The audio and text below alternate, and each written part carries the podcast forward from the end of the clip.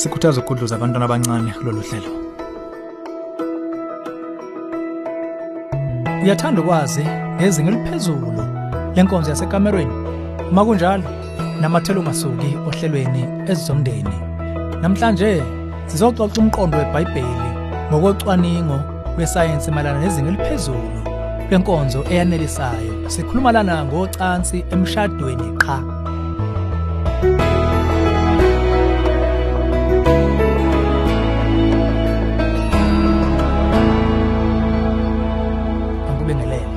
Ezomndeni uhlelo ukulethela izeluleko eziphathekayo abaka focus on the family. Umkhweno phansi enhlizweni yakhe usibhalela umbuzo ngakuba ucansi emshadweni luyanelisa ngempela? Ngisemshadweni onzima. Isilonda esikhona phakathi kankosikazi wami nami udaba lwenkonzo. Ngizizwa ngincintshiwe kumbe ngincintshwa kwesinye isikhathi ngize ngibe nezilingo zokufisa izidingo zami zifezeke ngaphandle. Ngeke ngafunda iarticle ebhala ukuthi abantu abasemshadweni yibo abaneliseke kakhulu ngenkonzo yekamera emhlabeni. Ithi akwenzeki nakoyedwa ukweneliseka kodwa nabantu abaningi uma kusuke kungekho emshadweni. Ngithola kunzima kimi ukukholwa ile article ngokombhalo wayo.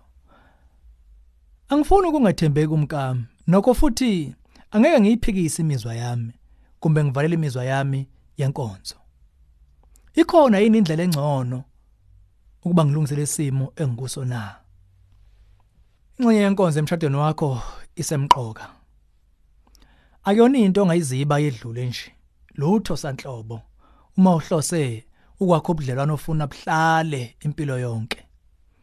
Uma uneyinkinga sigonyuluke bese uqala ubuka isombululo esikhundleni sokufuna ukuyodla emadlelweni angaphandle yiba nomqondo ukubona nomeluleki okufundele.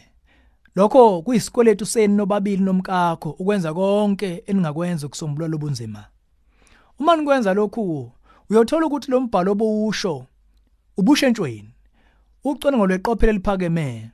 Isibonelo utadisho olwenziwa eUniversity of Chicago ngaseqani ko1990 luveza ukuthi empilweni yangempela ingxoxo okuthukela nje esuke ingakhombisanga lutho ezweni lenkonzo emshadweni yiyo imvamisa enelisa abantu ezikhathini eziningi ongakho kuyisizathu ucazo lwasemshadweni lunesigqi nokwanelisa okungevalwe ngalutho olunye.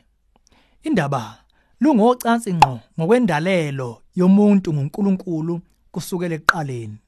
Umyalezo kumbunqamlelo lwamazwi eBhayibhelini ashiwo nguEugene Peterson uthi kukhulu okusenkonzweni ngaphezulu kokuhlangana kwenyama nenyama. Inkonzo iyimfihlo enkulu yokomoya ngaphezulu komzimba nje. Njengokubhalwe ezibhalweni ababili sebenyamanye. Akumele sihubhane nocansi olungenakho ukuzinikela nobunyamanye olusishiya sinegeba ngaphezulu kokuba sifike kulo siyikho. Ucansi olungabenzi babe umuntu munye abalwenzayo. Yilo lolushiya abantu benegeba. Kunendlela eyenza izono zocansi zehluke kunezinye. Esoneni socansi sisuke seqa ubungcwele bemzimba yethu. Lemzimba eyenziwa uNkulunkulu ngokothando olwabunjwa nguye kuba sibe munye nomunye nomunye. Eyokuqala kwabasekhonti 6 verse 16 kuya ku18 umbhali uGlenn Stanton uthi ukunamathela komuntu ngokocansi lobu bunye obudlula bonke nobuyibo ngokwesipho soluntu nesibuthaka simele ukwenzeka kubunye obungempilo yonke phakathi kwabantu ababili. Yilokho kanye umshado oyikho. Ukuzinikela ngokufakazi kwensizwa nentokazi. Ukudela abanye qede bayinikele kubone bobabili ngokungcwele ngokomzimba umqondo umoya komnye nomunye. Kube ngokwesipho soqobo lwakhe esiphelele. Ucansi olunye ubusemshadweni luyasikaya ekujuleni kwempilo yethu. Ukunikela ingxenyana yethu komunye sibe singahlose singeke sikwazi ukumnika konke okuhamba naleyo ngxenyana. Akusikho neze lokho esadelwa khona kumbe ngakho sawuthatha phi nebala umcabango ukuthi singakwazi ukuhlukanisa imizimba yethu engqondweni yethu nasemoyeni wethu nokuthi imizimba yethu ingenza nakuphi okunye ekuthandayo kungabi namphumela kwizingxenye ezinye zoqobo lwethu na? Ingakho lo moya okwenza ucansi noma kuphi noma nini ungenandawo. Ngokoluntu uyehluleka. Ugcina sewenza lobuthini obuyisipho sikaNkuluNkulu busishiye nobuhlungu obuhlukahlukene beyilonda ezibhebha empilweni yethu. Phezulu kwakho konke okunye umshado wabunjwa kuba ube inkundla yokuthembana yokuphepha nokuzinikela. Asikwazi ukuzinikela komunye umuntu lonke uqobo lwethu kuphela kuba la sisuke sizwa sikumbe sizizwa siphephile ukwenza lokho. Kusophahleni lwesembozo esivikelekile esumshado esikwazi kuphela ukuletha ubunye ngokwenyama kunkosikazi nendoda ngongenambandela yikho kanye lokho kusinika incazo ukuthi kungani ucansi emshadweni lungolukhululekile nolugculisayo ngaphezulu lonke uhlabo locansi ongalicabanga Asikumemele ukuxhuma nomnyango wezokululeka wethu uma uthanda uvo lwangaphandle ngesimo sakho.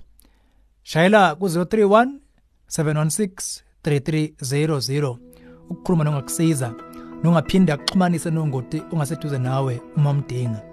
Ithemba lethu ukuthi inkathano saxoxela ludaba nonkosikazi wakho kube nokubuyela kwesimo nokuhambisana ekwenzeni. Lolu hlelo ezomndeni ulethulelwe yifocus on the family. Sihlangabezwa ohlelweni oluzayo